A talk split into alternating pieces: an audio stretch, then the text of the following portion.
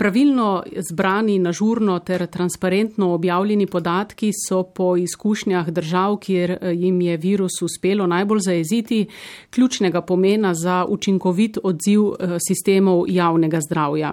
Šele tako objavljeni podatki so temelj za razumevanje dogajanja, aktivno samozaščitno ravnanje ljudi ter sprejemanje nujnih ukrepov.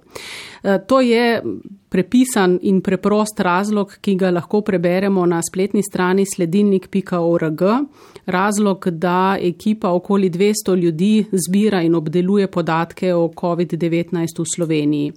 In to ni ekipa Ministrstva za zdravje ali Nacionalnega inštituta za javno zdravje ali statističnega urada, kot bi mogoče kdo pomislil ampak ekipa prostovoljcev, kjer lahko vsak prispeva po svojih močeh z viri ali podatki. In v tej ekipi od začetka, od marca, od začetka epidemije tudi dr. Aleks Jakulin, ki bdi nad koordinacijo za modeliranje in vire. In zdaj ga lepo pozdravljam na naši zvezi. Lepo zdrav. Živijo. Začneva pri eni osnovi, dr. Jekulin. Kdo bi po vašem mnenju, oziroma kdo si želite, da bi vsak dan kliknil na sledilnik.org? No, um, to smo naredili, da bi mi sami ne, uh, lahko vedeli, kaj se dejansko dogaja. In to uh, objektivno, uh, pa učinkovito, pa hitro. Torej, sledilnik združuje testiranje, pa kdo je okužen, pa razmere v bolnicah.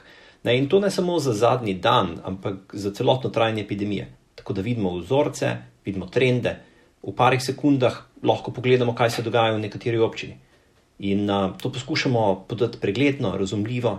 Um, zdaj pa želeli bi si, ne, da bi to pomagalo, da uh, odločevalci sprejemajo odločitve na podlagi podatkov, uh, za razliko od nekih um, predpostavk. Torej, si želite, da na vaš sledilnik klikajo odločevalci, ampak najbrž tudi ljudje, ki jih zanimajo ne samo številke, ne samo statistika, ampak tudi kaj se s to epidemijo pri nas dogaja. E, kaj pomeni modeliranje epidemije? Torej, model združi tisto, kar vemo o epidemiji. Ne, je neke vrste simulacije resničnosti. Podatki ne ti dajo samo en del slike. Ne? Podatki so tisto, kar ti vidiš skozi okno, medtem ko model je pa tisto, kar ti potem omogoča vremensko napoved. Recimo, model nam pomaga oceniti, koliko ljudi bo umrlo. Ne? Če vemo samo to, koliko je okuženih, pa kdaj so bili okuženi, pa koliko so stari in njihov spol. Lahko sklepamo o tem, koliko je v resnici okuženih, tudi če je mogoče to eh, večje število kot pa tisto, kar je eh, število potrjeno okuženih ne moremo vsega modelirati. Obnašanje ljudi je težko napovedati, ne, ker je odvisno od tega, kaj se bo dogajalo v politiki, kaj bojo mediji povedali.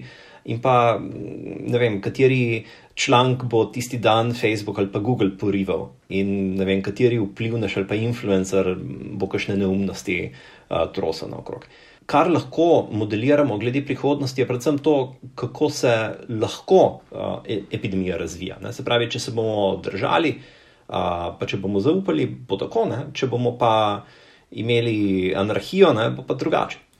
Se motim, če na podlagi tega rečem, da vas, ki modelirate ta močan drugi val, ni presenetil. Ja, mislim, obžalujemo ga, ne, ker um, smo kot Slovenija ne, zelo učinkovito zatrli ta virus v prvem valu. Ne, pač virus je pa še zmeraj okrog nas bil in uh, smo ga nazaj noter spustili. In kar je najhujše, smo mu pustili, da se je potem spet razširil. In še hujše, ne, nismo potem tega ustavili pravočasno. Ko sem vas poslušala v državnem zboru na odboru za izobraževanje in znanost, ste rekli, da se v svetu marsikdo čudi temu super sistemu, super računalniku, ki ste ga prostovoljci vzpostavili pri nas, ampak da je preprosto zdaj čas, da je treba zanko zapreti. Kaj ste imeli v mislih s to zanko?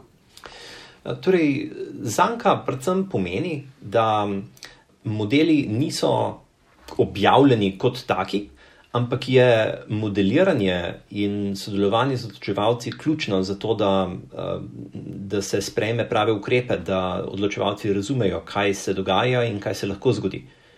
Težava je v tem, ne, da model si lahko vsak politik zbere sam in potem ima tam neke številke in neke formule, ki pač uh, se ujemajo uh, z neko predpostavko ali pa z nekimi določenimi željami uh, volilcev, ki jih ta politik ima. Ampak tu ni podatkov na odličnost. Ne, tu je zloraba podatkov in zloraba znanosti. Tisto, kar bi si želeli, je, da so da odločitve temelijo na modelih in na podatkih. Zagotovo ste postali relevanten in verodostojen vir tudi za njih, pa vas poslušajo, vas berejo, jih zanima interpretacija teh modelov. No, zdaj, zdaj jih malo bolj. Um, sledilnik je verjetno videla že polovica ali pa še več Slovenije.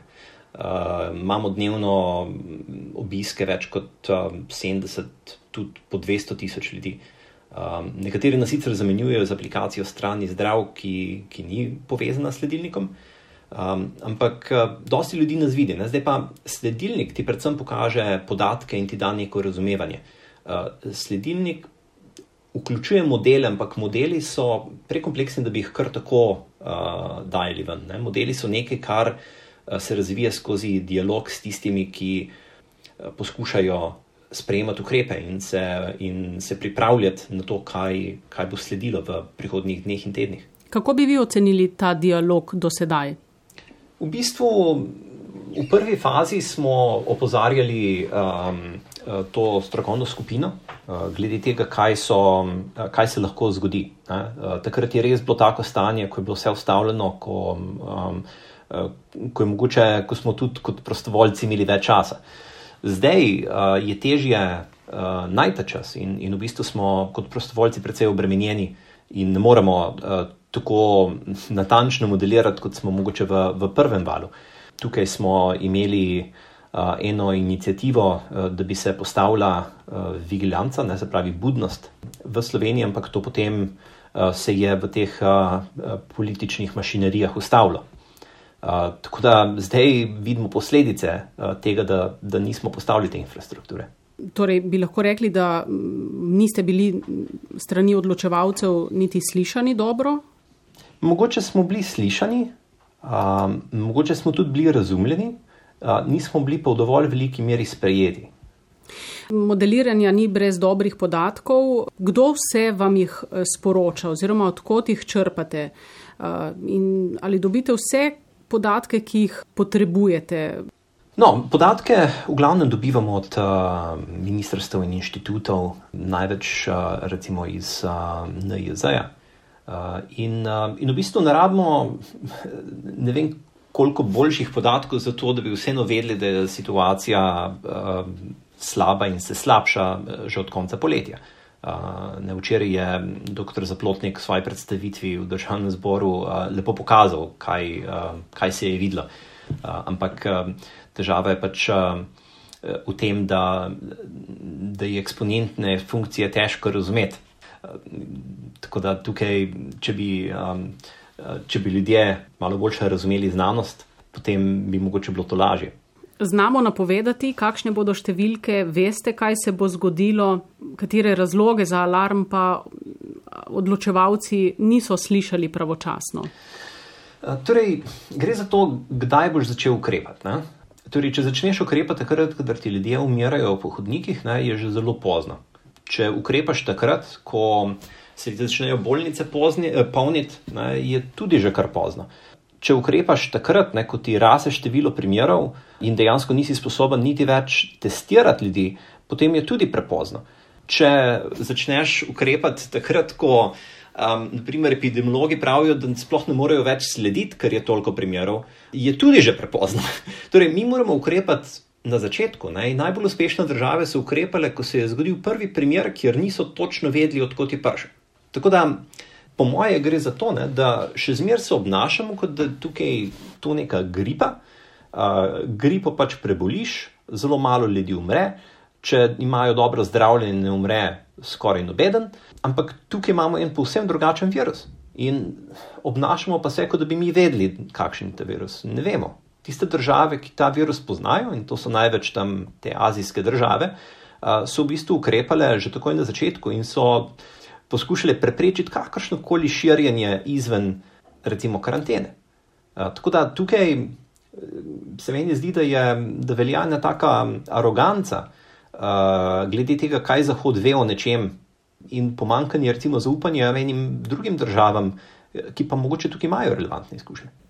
Ja, marsi česa še ne vemo. Zagotovo je eno od vprašanj, ki si ga zastavijo okuženi, kje smo se okužili. Podatki, ki jih beleži sledilnik, pravijo, da polovica okužb izhaja iz lokalnega vira, ampak pri velikem deležu pa je še vedno naveden neznani vir. Ja, torej neznani vir pomeni, da se zadeva širi med ljudmi uh, in se je ne da več slediti, in to pomeni, da smo izgubili kontrolo. Kako lahko pride do tega, da v bistvu epidemiologi izgubijo kontrolo uh, in da se nič ne naredi glede tega? To, to, je, to je eno tako dobro vprašanje. In deloma je povezano s tem, da imamo tako katastrofalno stanje zdravstvene informatike. Recimo, en problem pri pridobivanju podatkov je, ne, da to obremenjuje epidemiologe, ampak to ne bi smelo uh, obremenjevati epidemiologe, zaradi tega, ker če bi epidemiologi imeli dobro informatiko, uh, potem bi podatki kar sami leteli ven, ne bi imeli oni prav popolnoma nič dodatnega dela, k večjemu bi jim še delo se prihranilo, če bi uh, imeli ustrezna orodja. In če bi ta zdravstvena informatika delovala, uh, potem niti sledilnika ne bi rabljal. V večini držav so sledilniku podobne, seveda ne tako dobre, ampak dosti podobne strani dejansko naredili um, inštituti za javno zdravje oziroma ministrstvo za zdravje. V Sloveniji smo pač se angažirali, tega, ker če vidiš požar, pa ga noben ne gasi, ne, potem potegneš tisto cel, pa začneš uh, nekaj delati, pa sestavljati svojo lastno črpalko. In potem na koncu, ne, če, je, uh, če se zbere ena, ena dobra skupina ljudi, uh, se lahko marsikaj res dobrega naredi. In, ampak slovenska zdravstvena informatika že dve leti zapored dobiva nagrade za najslabše nedosežke. Na konferenci Information Society, ki jo organizira inštitut Jožef Štefan. Tako da tukaj bi lahko že pred letom pričakovali, da, da imamo probleme. Za razliko od nekaterih drugih držav, mislim na Italijo in Nemčijo, pri nas ne objavljamo statistike, s katerimi pridruženimi boleznimi so umrli bolniki s COVID-om. Imate vi mogoče kakšen odgovor, zakaj ne? Torej, lejte, če imamo, recimo, če, vam povem en ta hiter preračun, ne, recimo, če imamo v Sloveniji um, enoprocentno okuženo za COVID, ne, recimo, ne, potem pričakujemo, da bo en procent smrti okužen s COVID. Ampak mi imamo zdaj po 30-40% še več okuženih s COVID pri smrti, kar pomeni, da, da tu ni, uh, definitivno ni, da, da ljudje umirajo s COVID-om, ampak umirajo zaradi COVID-a. In tukaj gre za uh, razliko, ne, mogoče en procent umrlih umre s COVID-om, ampak preostalih, uh, ne vem, 39% pa zaradi COVID-a. To je čisto enostavna matematična uh, ocena. Uh, in nepojmljivo je, da ljudje potem take neumnosti širijo, da, um, da pač ljudje umirajo s COVID-om. Seveda, ampak v zelo majhnem deležu.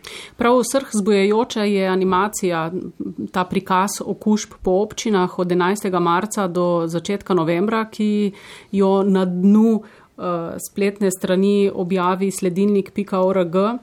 Namreč, šele ko na Slovenijo pogledamo tako oddaleč z distance, vidimo, kako res intenzivna je epidemija v tem drugem valu, kako se je Slovenija na hitro obarvala v rdeče. Mhm. Ja, torej tukaj, um, tukaj smo imeli nekaj dejavnikov. Ne? Se pravi, ko smo uh, čez poletje, je bilo relativno malo ljudi v službah, ni bilo otrok v šolah, uh, smo bili na prostem zraku, uh, smo bili na soncu, um, smo dobro jedli. Um, in potem skozi jesen ne, se po v bistvu stvari slabšajo in slabšajo, ljudje pridejo nazaj v službo, uh, temperature padajo, smo ljudje več noter, uh, otroci grejo v šole. Uh, in, in vse to ne, je naredilo en tak uh, črni scenarij, ki ga zdaj gledamo od blizu. Doktor Jakolin, kdaj uh, bodo na COVID sledilniku dosegljivi podatki in analize meritev virusa na odplakah? To, kar so po uh, epidemiji uh, naredili v sosednji Italiji, če se ne motim, v Lombardiji, zdaj pri nas dela Nacionalni inštitut za biologijo, torej začel je meriti koncentracije na več lokacijah po Sloveniji in to bo en. Še en najbrž relevanten podatek o razširjenosti eh, virusa v populaciji. Kdaj bodo ti podatki dosegljivi, kdaj bojo te meritve vsaj v prvi fazi končane? Mogoče bomo že naslednji teden imeli to na sledilniku. Uh, torej, um, uh, tukaj je važno vedeti, ne, da je več podatkov boljše, ne, dokler vemo, uh, odkot so pa kako so zmerjeni. Uh, z merjenjem virusa v odplakah dobimo podatke za obnašanje crka pol milijona slovencev, ki je izjemno koristen podatek, ker dosti ljudi uh, ni vidno okuženih. Ne? Mislim, so, so asimptomatični, mogoče se v njihovem telesu dogajajo spremembe in uničuje uh, virus uh, srce in podobno, ampak niso pa vidno bolni, mogoče nimajo niti neke res povišene temperature. In tega ti ljudje mogoče ne bi si vzeli časa, pa stali tam v vrsti in potem pustili, da jim nekdo po nosu vrta s palčko. Uh, ampak si mislijo, da ja, bom že sam se pozdravil. Uh, in ravno zato, ne, ker ta virus um, se ne tako močno izrazi pri vsakomor, ampak imamo dobršen delež takih uh, asimptomatičnih uh, uh, bolnikov, uh, imamo potem tako situacijo, ker se ta zadeva tako širi to merjenje odplak ti mogoče pove, da je nekje mogoče dosti več okuženih, kot pa v resnici vemo. Epidemija je pojav, kjer pride do problema z zamikom. To ste večkrat že povedali tudi soustvarjalci COVID sledilnika. In če smo zdaj jadramo na tem drugem valu, kaj pravite o tretjem? No, jaz bi si želel, da bi bil drugi zadnji uh, val, ki bi ga tukaj videli. Ne? In zato moramo malo razmisliti o tem, kakšna je naša strategija. Torej, če imamo strategijo obvladovanja, ne, ker je v bistvu osnovni kriterij to, da se ne preseže uh, zdravstvenih kapacitet, potem bomo ta virus uh, tolerirali še naprej. Ne, če pa uh, razumemo, ne, da je ta virus v bistvu neke vrste orožje, uh, ki samo sebe proizvaja, ki um, uh, par ljudi ubija, ampak dosti več jih pohabi, uh, potem pa mogoče bomo spremenili ta pogled in se bomo odločili, da ta virus odstranimo in eliminiramo. In potem, ko je ta virus eliminiran in ko mu preprečimo na, ponoven vstop, ne, potem dejansko smo lahko svobodni. Potem, šele takrat, bomo res svobodni. Sej tudi zdaj, če um, ne bi bilo nobenega ukrepa glede mask, bi jih marsikdo še zmeri nosil in bi jih tudi marsikdo še zmeri zahteval. Ampak to delamo zato, ker se zavedamo nevarnosti se zaradi tega ne počutimo svobodni. In vsi bi si želeli biti svobodni, ampak objektivno bomo res svobodni takrat, ko tega virusa med nami ne bo več. Bi vi sprejeli še kakšen ukrep, če bi imeli to možnost? Torej, ukrepi ne, bi lahko bili dosti blažji, če bi se jih ljudje bolj držali. Tukaj um, je žalostno to, ne, da zato, ker pač imamo med nami napar anarhistov, ki se požvižgajo na ukrepe, ne, potem vsi ostali ki smo se že itek vse čas držali, imamo zdaj še dodatne omejitve. Če bi si kaj želel, so to ukrepi proti kršiteljem in mogoče tudi ukrepi proti tistim, ki nagovarjajo kršitvi. Tako da uh, tukaj nekako bi si želel, da je, da je malo bolj pravično uh, razdeljevanje bremena, ki ga nosimo okrog te uh, pandemije. Vi ste, dr. Jekolin, del ekipe COVID sledilnika od začetka kot prostovoljec, po noči pa še vedno vodite svoje podjetje čez lužo in eh, ZDA so v središču naše pozornosti zadnje tedne, seveda volitve, pa tudi širitev eh, COVID-a. Kako iz Sežane gledate na vse to dogajanje? Ja, veste, jaz, jaz, ki sem slišal, ne, da, se, da se virus širi po Kitajski, Pa, ker sem potem slišal od kolegov, da prihajajo Kitajci v New York, da bi pobegali pred uh, ukrepi na Kitajskem, sem rekel, ojoj, potem sem si šel kupiti masko, pa je niti nisem dobil. Pa sem potem ne par dni zaporedoma hodil, ker so bile vse maske tam v mojem delu New Yorka razprodane. Tako da potem sem se odločil, da mogoče najbolj, da, da jaz spravim svoje stvari v skladišče in se za nekaj časa umaknem iz New Yorka. In uh, to, to mislim, da je bila dosti dobra odločitev, glede na to, kaj se je zgodilo potem. Torej, Trump, ne, uh, je bil izjemno nesposoben glede te pandemije. In po moje je v zadju to, da on v bistvu ne razume znanosti. Namesto da bi ukrepil proti pandemiji, uh, jo je vzel kot priložnost za politiziranje, zaposloval je podrepnike na mesto strokovnjakov. Ti podrepniki so potem uh, zafrknili teste, tako da na začetku so mislili, da nimajo primerov, po resnici so jih imeli, samo jim testi niso delovali. Um, tako da katastrofa. Ne? Tudi zdaj v bistvu vidimo, da rezultat teh volitev kaže, ne, da republikanci niso toliko izgubili um, v zgornjem in spodnjem domu uh, njihovega parlamenta, uh, medtem ko predsednik pa, je, pa ima bistveno manj podpore, kot je imel pri prejšnjih volitvah. Um, zdaj, da ne bomo mislili, ne, da je to samo problem uh, Trumpa in republikancev. Naprimer v New Yorku so pred stanovanjem od prijatelja shranjevali trupla na tovrnjakih noč in dan. To pa zato, ker demokratski župan mesta New York in demokratski guverner države New York nista med sabo znala spostaviti konsenza glede epidemije. Torej, um, župan je hotel uvesti ukrepe in ga je potem ustavil guverner. Ne, potem pa je guverner videl svetlobo ne, in postal veliki heroj. Uh, ampak takrat sta minili dva tedna, ki sta bila odgovorna, da se je ta virus um, grozno razširil uh, po celem New Yorku. Torej, ravno zato no, je toliko pomembno, da, da zdaj v tej krizi uh, politiki začnejo delati skupaj, uh, se um, zanašati na znanost in znanstveni konsens glede tega, kaj se v resnici dogaja. Uh, in Ne, to ne pomeni, da zdaj mora opozicija narediti tisto, kar vlada pravi. Uh, ampak to pomeni, da se morajo oboji truditi, da vzpostavijo nek konsens, ki bo, ki bo spremljiv za vse in ki bo na nek način postavil neko jasnost v tem, kaj se v resnici dogaja. Ne? Ker dokler mi ljudje ne, najdemo enega politika, ki se strinja z njami, uh, in če ta politik pravi, da ukrepov ne rabimo, potem se bomo tudi mi do tega obnašali na ta način. Ne? Torej, rabimo en nek signal naših odločevalcev, ki pokažejo, da je konsens, da je tukaj res virus, da ta virus res je nevaren, da je situacija res slaba in da moramo vsi nekaj narediti glede tega in to čim prej. Ampak, doktor Jekolin, ali se vam zdi, da je znanost pri uh, soočanju s pandemijo, gledano v svetovnem merilu, enotna, govori isti jezik? V veliki večini je enotna. Težava je, da bomo zmeri najdli kakšnega znanstvenika, ne, ki, um, ki hoče dobiti medijsko pozornost s tem, da govori nekaj, kar gre v nas skriž. Ne. Zato je treba slediti znanstvenemu konsenzu in ne posamičnim znanstvenikom. Torej, tudi sledilnik. Ne, um, lejte, uh, tukaj imamo uh, različne profile z različnimi znani, ampak smo prišli skupaj zato, ker smo vsi želeli priti do resnice. Ne? In pač imamo in politično leve, in politično desne, in apolitične, in nadpolitične, in vse sorte.